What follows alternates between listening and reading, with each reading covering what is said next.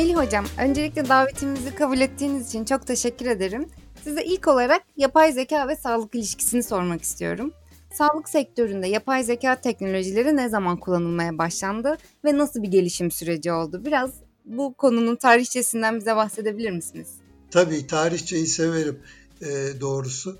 E, insanlık tarihi kadar eski bizim teknolojiyle haşır neşir olmamız. Yani insan teknolojiyi çok etkin kullanan bir yaratık. E, bu makinalara öğretmek, makinaları bu amaçla kullanmak da insanın antik çağlardan beri hep hayali olmuş. Fakat tabii teknolojik olanaklar e, bazı şeylere ancak zamanı gelince e, ortaya çıkmasına sebep oluyor. 70'li yıllarda ilk e, özellikle vurguladığımız örnek İngiltere'den bu karın ağrısının değerlendirilmesi acil servislerde problemdir. Yani cerrahi müdahale gerekir mi, ne gibi tetkikler yapılmalı, teşhis nasıl olmalı? Bununla ilgili geliştirilen algoritmalar kullanıldı. Biz de çocuk cerrahisinde aslında e, algoritma kullanarak bir bakıma pek çok hastalığımıza teşhis koyarız. E, ve daha sonra özellikle bu görüntü işlemedeki e, tekniklerin gelişmesiyle, teknolojinin gelişmesiyle yapay zeka e, sağlığın bütün alanlarını çok ciddi bir şekilde etkilemeye başladı. Bütün alanlara girmeye başladı ve artık öngörüyle sağlığı geliştirme diyoruz. Bugün mesela bir arkadaşımla telefonla konuştum. Şeker hastalığında e, diyabetik ayağın e, yani ayakla ilgili problemlerin nasıl seyredeceği konusunda doktora tezi yapıyor. Yani e, bir karın ağrısıyla başlayan serüven bugün çok e, farklı yerlere gelmiş durumda. Peki e, yapay zeka teknolojileri hangi alanlarda, hangi bölümlerde daha fazla ön plana çıkıyor? Siz çocuk cerrahisinde görüntü işleme tekniklerini kullandığınızdan bahsettiniz. Bugün e, hangi alanlarda daha fazla ön plana çıkıyor? Bütün alanlar artık e, yapay zekaya e, yapay zekayı kullanmak durumunda. Mesela bizim alanımızda anne rahminde cerrahi. E, bununla ilgilenen Emrah arkadaşımız var Koç Üniversitesi'nde. Mesela onlar çok ilginç bir takım çalışmalar yapıyorlar. Tabii bu arada esas e, dermatolojiyle başlamak lazım belki. Yani bir takım derideki e, değişimlerin e, teşhis edilmesi, özellikle deri kanserinin. Mesela burada yapay zeka kullandığınız zaman e, de, deri kanserini yapay zeka çok başarıyla teşhis ediyor. Ya da meme kanseri. E, daha ilginç olan şöyle bir şey var. E, doktorla, tecrübeli doktorla yapay zekayı bir araya getirdiğinizde e, teşhis doğruluğunuz çok yükseliyor. Yani diyelim ki bir meme kanserinin görüntüsünde mamografi diyoruz, memenin filmini çekiyoruz. Orada yapay zeka %90 doğrulukla teşhis koyarken doktor %80 doğrulukla teşhis koyuyor ama ikisi bir arada etkin, verimli, işbirliği içinde çalıştığı zaman bu oran %99'lara çıkıyor.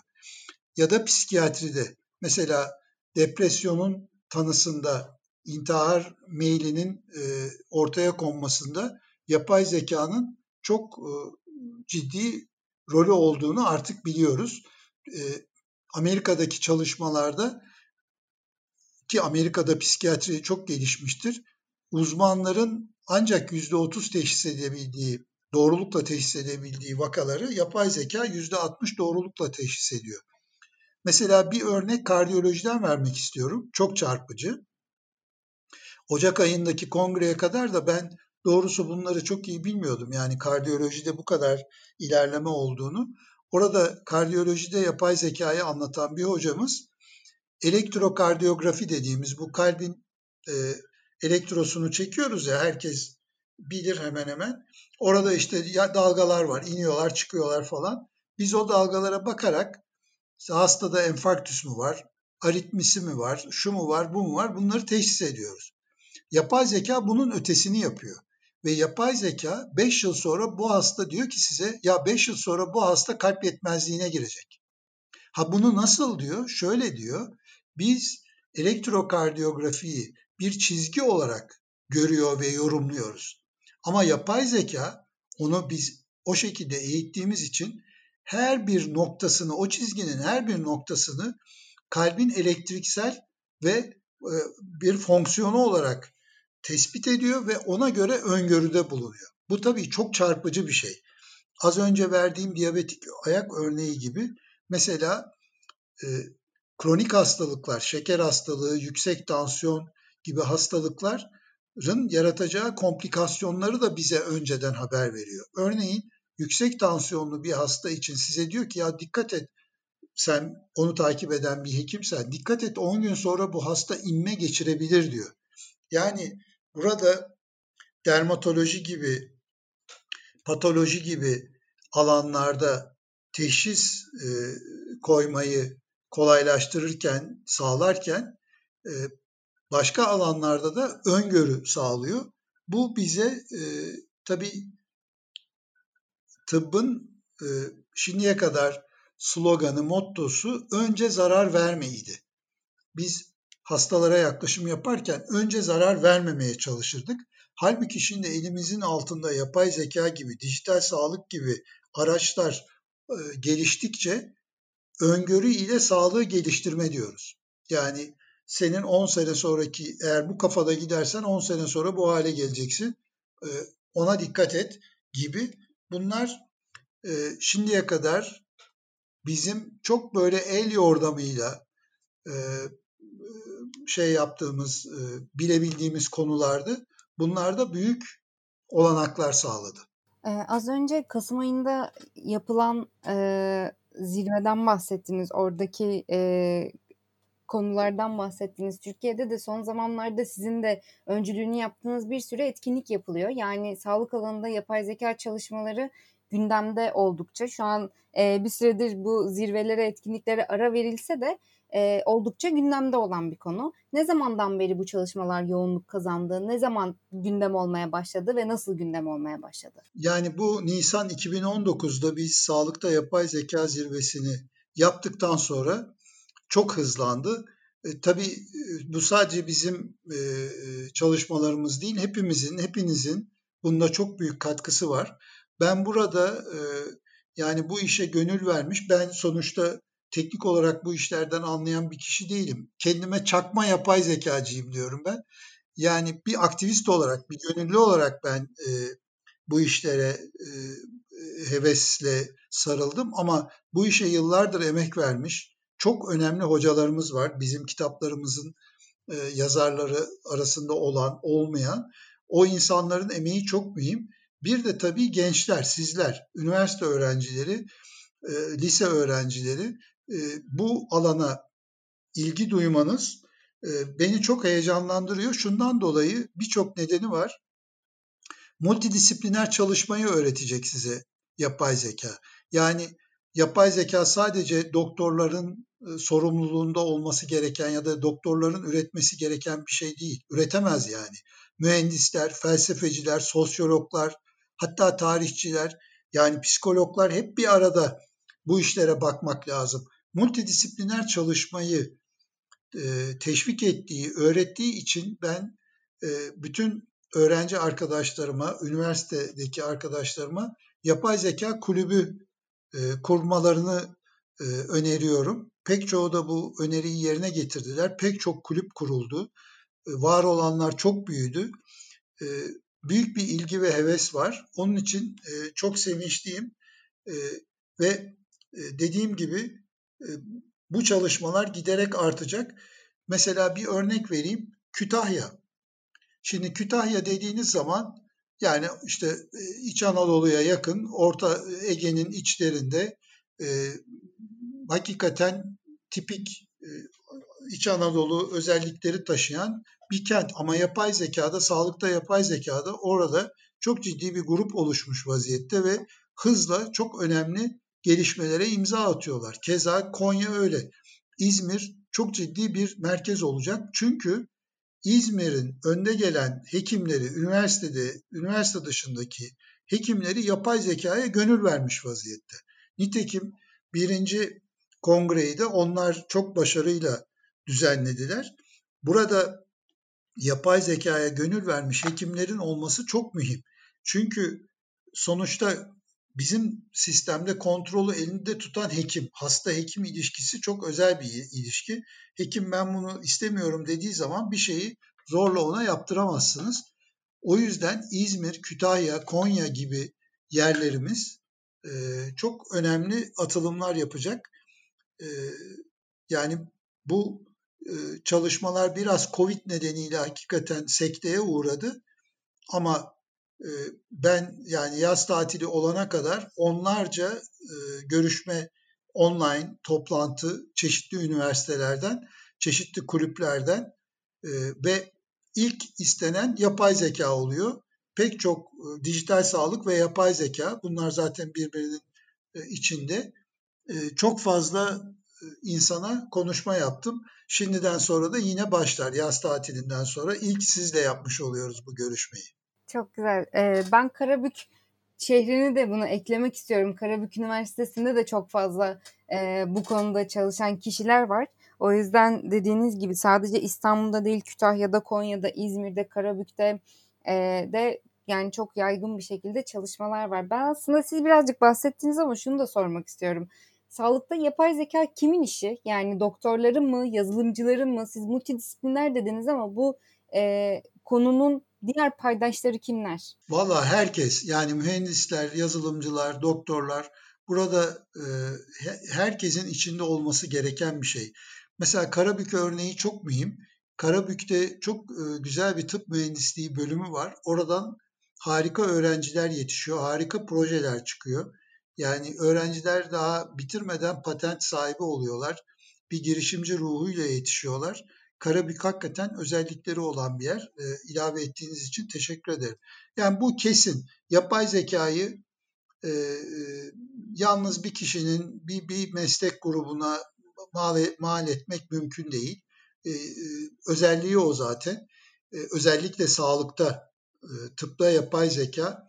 E, mesela bir göz dibi e, değerlendirilmesi, işte o da şeker hastalarında göz dibi değerlendirilmesi bu rutin yapılması gereken bir şey ama bütün Türkiye'deki diyabet hastalarına olması gerektiği gibi bir göz hekimi kontrolü yapmamız mümkün değil. O kadar göz hekimi yok elimizde.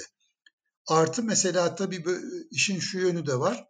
Sadece hasta e, tedavisi anlamında değil, eğitim anlamında da bir sürü makale okuması gerekiyor o hekimin. O makaleler nasıl okunacak?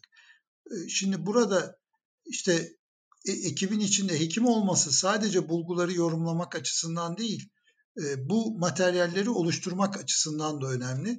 Onun için kesinlikle bu multidisipliner bir çalışma. E, buna alışmamız lazım. Herkes hep beraber olacak, bilgiyi paylaşacak ve bu şekilde yol alacağız. Başka bir çaresi yok. Eğitimde de çok önemli demeniz, eee, aklıma şöyle bir girişim getirdi.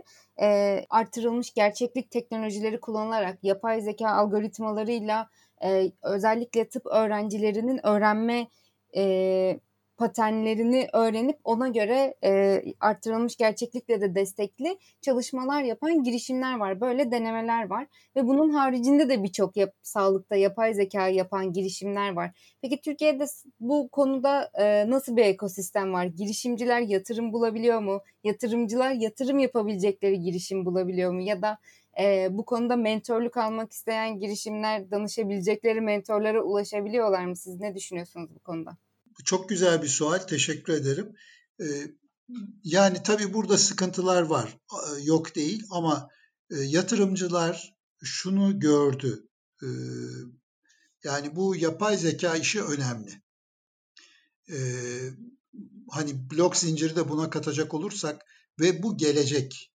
Yani dijital sağlık gelecek. Covid ile beraber zaten net bir şekilde ortaya çıktı ki sağlık bütünüyle dönüşüm gösterecek. Yani eğitimi, eğitimde olsun, hizmette, araştırmada, yönetimde e, dijital sağlık ve yapay zeka her şeyin içine girecek, girmek zorunda. Başka bir yolu yok bunun. E, bildiğimiz bildiklerimizi unutacağız. Artık yeni yeniye bakacağız. E, girişimler e, var. e, yapay zeka girişimleri de var. Hatta e, COVID'e de adapte oldular. Örneğin bir arkadaşlarımız EKG üzerine çalışıyorlardı. Onlar hemen COVID salgını sonrası akciğerdeki zatürre bulgularını yorumlamak üzere bir yapay zeka geliştiriverdiler. Yani ayrıcı tanı yapıyor size. Bu COVID'den dolayı mı zatürre yoksa bakteriden dolayı mı yoksa başka bir virüsten dolayı mı diye. Bunu da günler içinde yapıverdiler. Tabii hala sağlıkta regülasyonlar çok olduğu için orada e, yatırımcılar yönünden yatırımcılar bizde hala eski alışkanlıklara sahip. Yani hemen parayı koyayım 6 ay sonra 3 katını alayım. Böyle bir şey yok sağlıkta. E, tabii getiri olduğu zaman çok yüksek bir getiri var. 2-3 sene 5 sene sabredince ama bu sabrı pek gösteremiyorlar. Fakat Covid bilhassa her şeyi dönüştürüyor. Sağlığı da dönüştürecek. E, bu bahsettiğiniz artırılmış gerçeklikle eğitim konusunda çalışan çok ciddi arkadaşlarımız var. Allah'tan onlar mesela İstanbul Üniversitesi Tıp Fakültesi bunu yoğun bir şekilde kullanmaya başlamıştı. Şimdi bütün üniversitelere bu hızla yaygınlaşıyor ve diğer branşlara da mesela hemşirelikte de bu çok gerekli, fizyoterapide de gerekli. Artık yüz yüze eğitim hem hasta eğitici ve eğitilen açısından bunları bir araya getirmemiz çok zorlaştı bu salgın döneminde. Ne kadar süreceği de belli değil. Aşı çıkana kadar bu e, patırtıyı yaşayacağız. O nedenle e, eğitimde bütün bu yeni teknolojilerin, yapay zekanın önemi bin kat daha anlaşıldı. E, bunları bunların mutlaka çok gelişeceğini düşünüyorum ve Türkiye'de de hakikaten her alanda çok ciddi çalışmalar yapılıyor. Bunu bizzat biliyorum. Mentor e, sorunuza gelince özellikle sizin gibi kurumlar, e, yapılanmalar ya da öğrenci kulüpleri aracılığıyla çok kolay bunlara ulaşmak en azından çok zor değil. Türkiye'de hala güzel olan bir şey var. Birçok şeyde sorun yaşıyor olabiliriz ama gençlerle ilgili ben bir ricada bulunduğumda kimse geri çevirmiyor. Yani işte ya kalk gel gidelim şu üniversiteye dediğim zaman arkadaşlar geliyordu. Şimdi de ya işte şu çocuklara biraz mentörlük yap dendiğinde kimse geri çevirmiyor. Yeter ki arkadaşlar e, proje geliştirsinler ve heyecanla, hevesle bu işlere sarılsınlar. E, gelecek burada. Ee, bir de dediğiniz gibi e, bazı engeller olsa da e, farklı kişilere ulaşmak konusunda çok büyük sıkıntı çekilmiyor. Biz de e, bir şekilde katma değer yaratmaya çalışan etkinlikler yaptığımızda sağ olsun konuşmacılarımız bizi kırmıyor. E, ben bir de şey sormak istiyorum.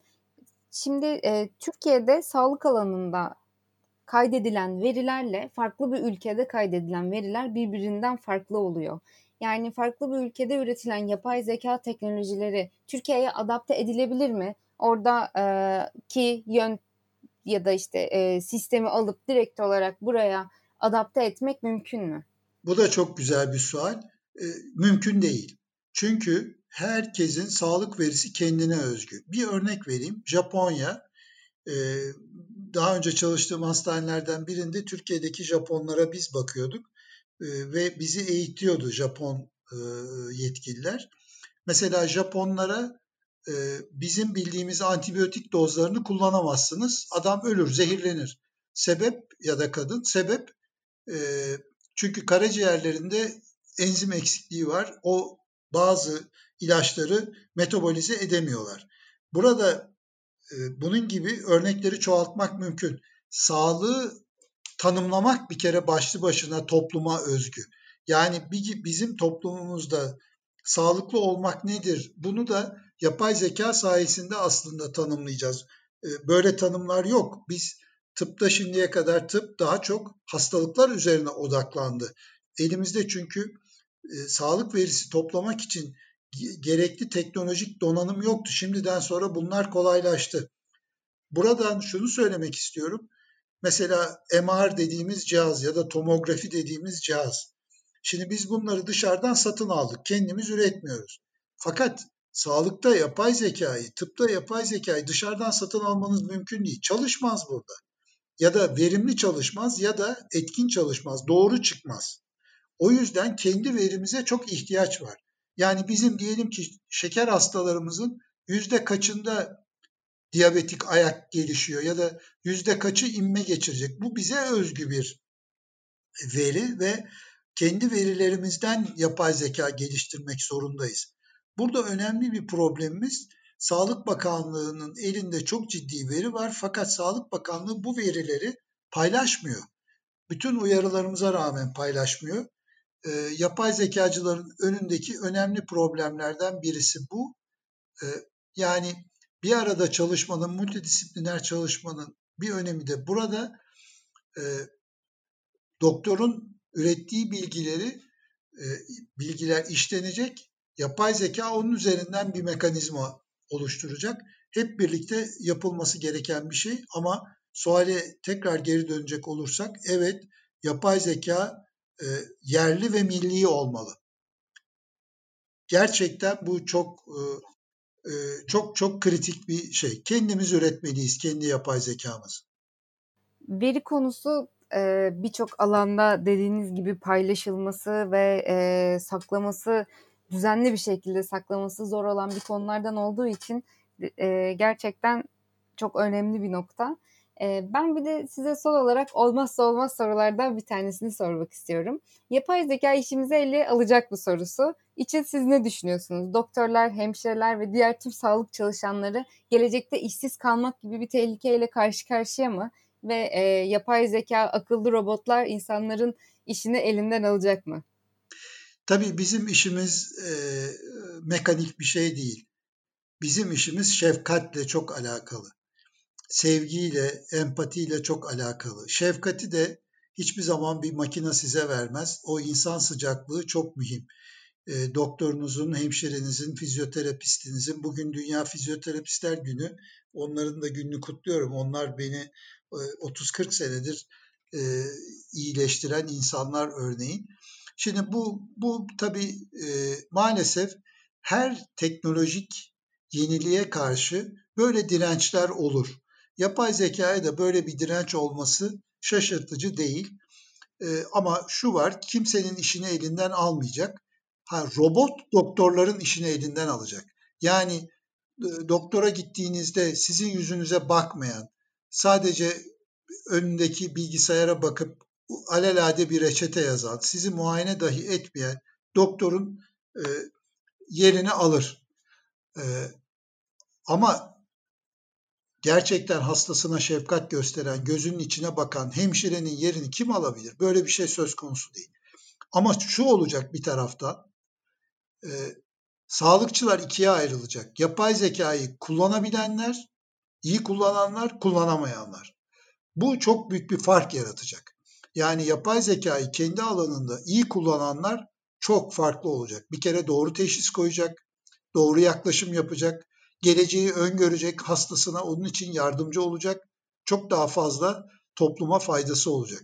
Ha, yapay zekayı kullanamayanlar da bence e, robotlaşacak ve esas onlar robotlaşacak ve hakikaten onların e, işini kaybetme tehlikesi var. Çünkü yapay zeka sayesinde biz birçok insana da ulaşma fırsatı bulacağız.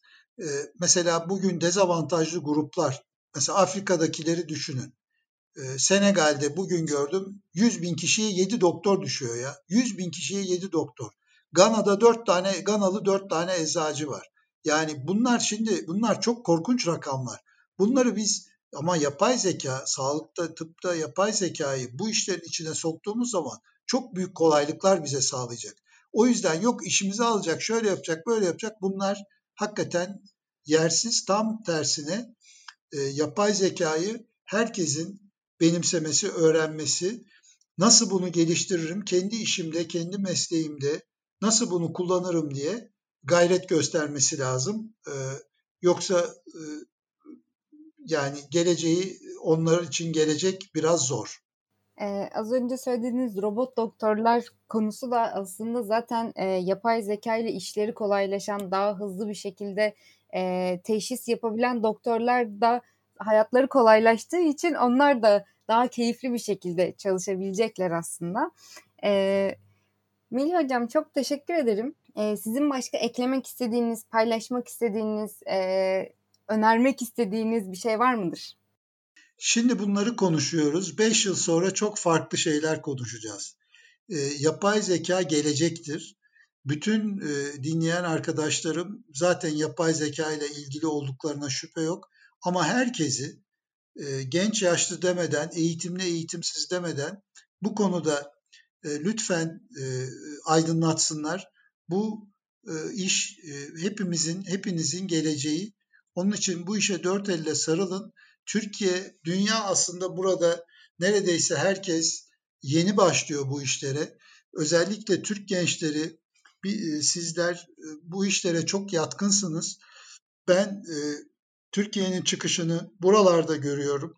Sizlerde görüyorum. Lütfen bu işlere alakanızı artar, artırarak sürdürün. Çok karlı çıkacaksınız.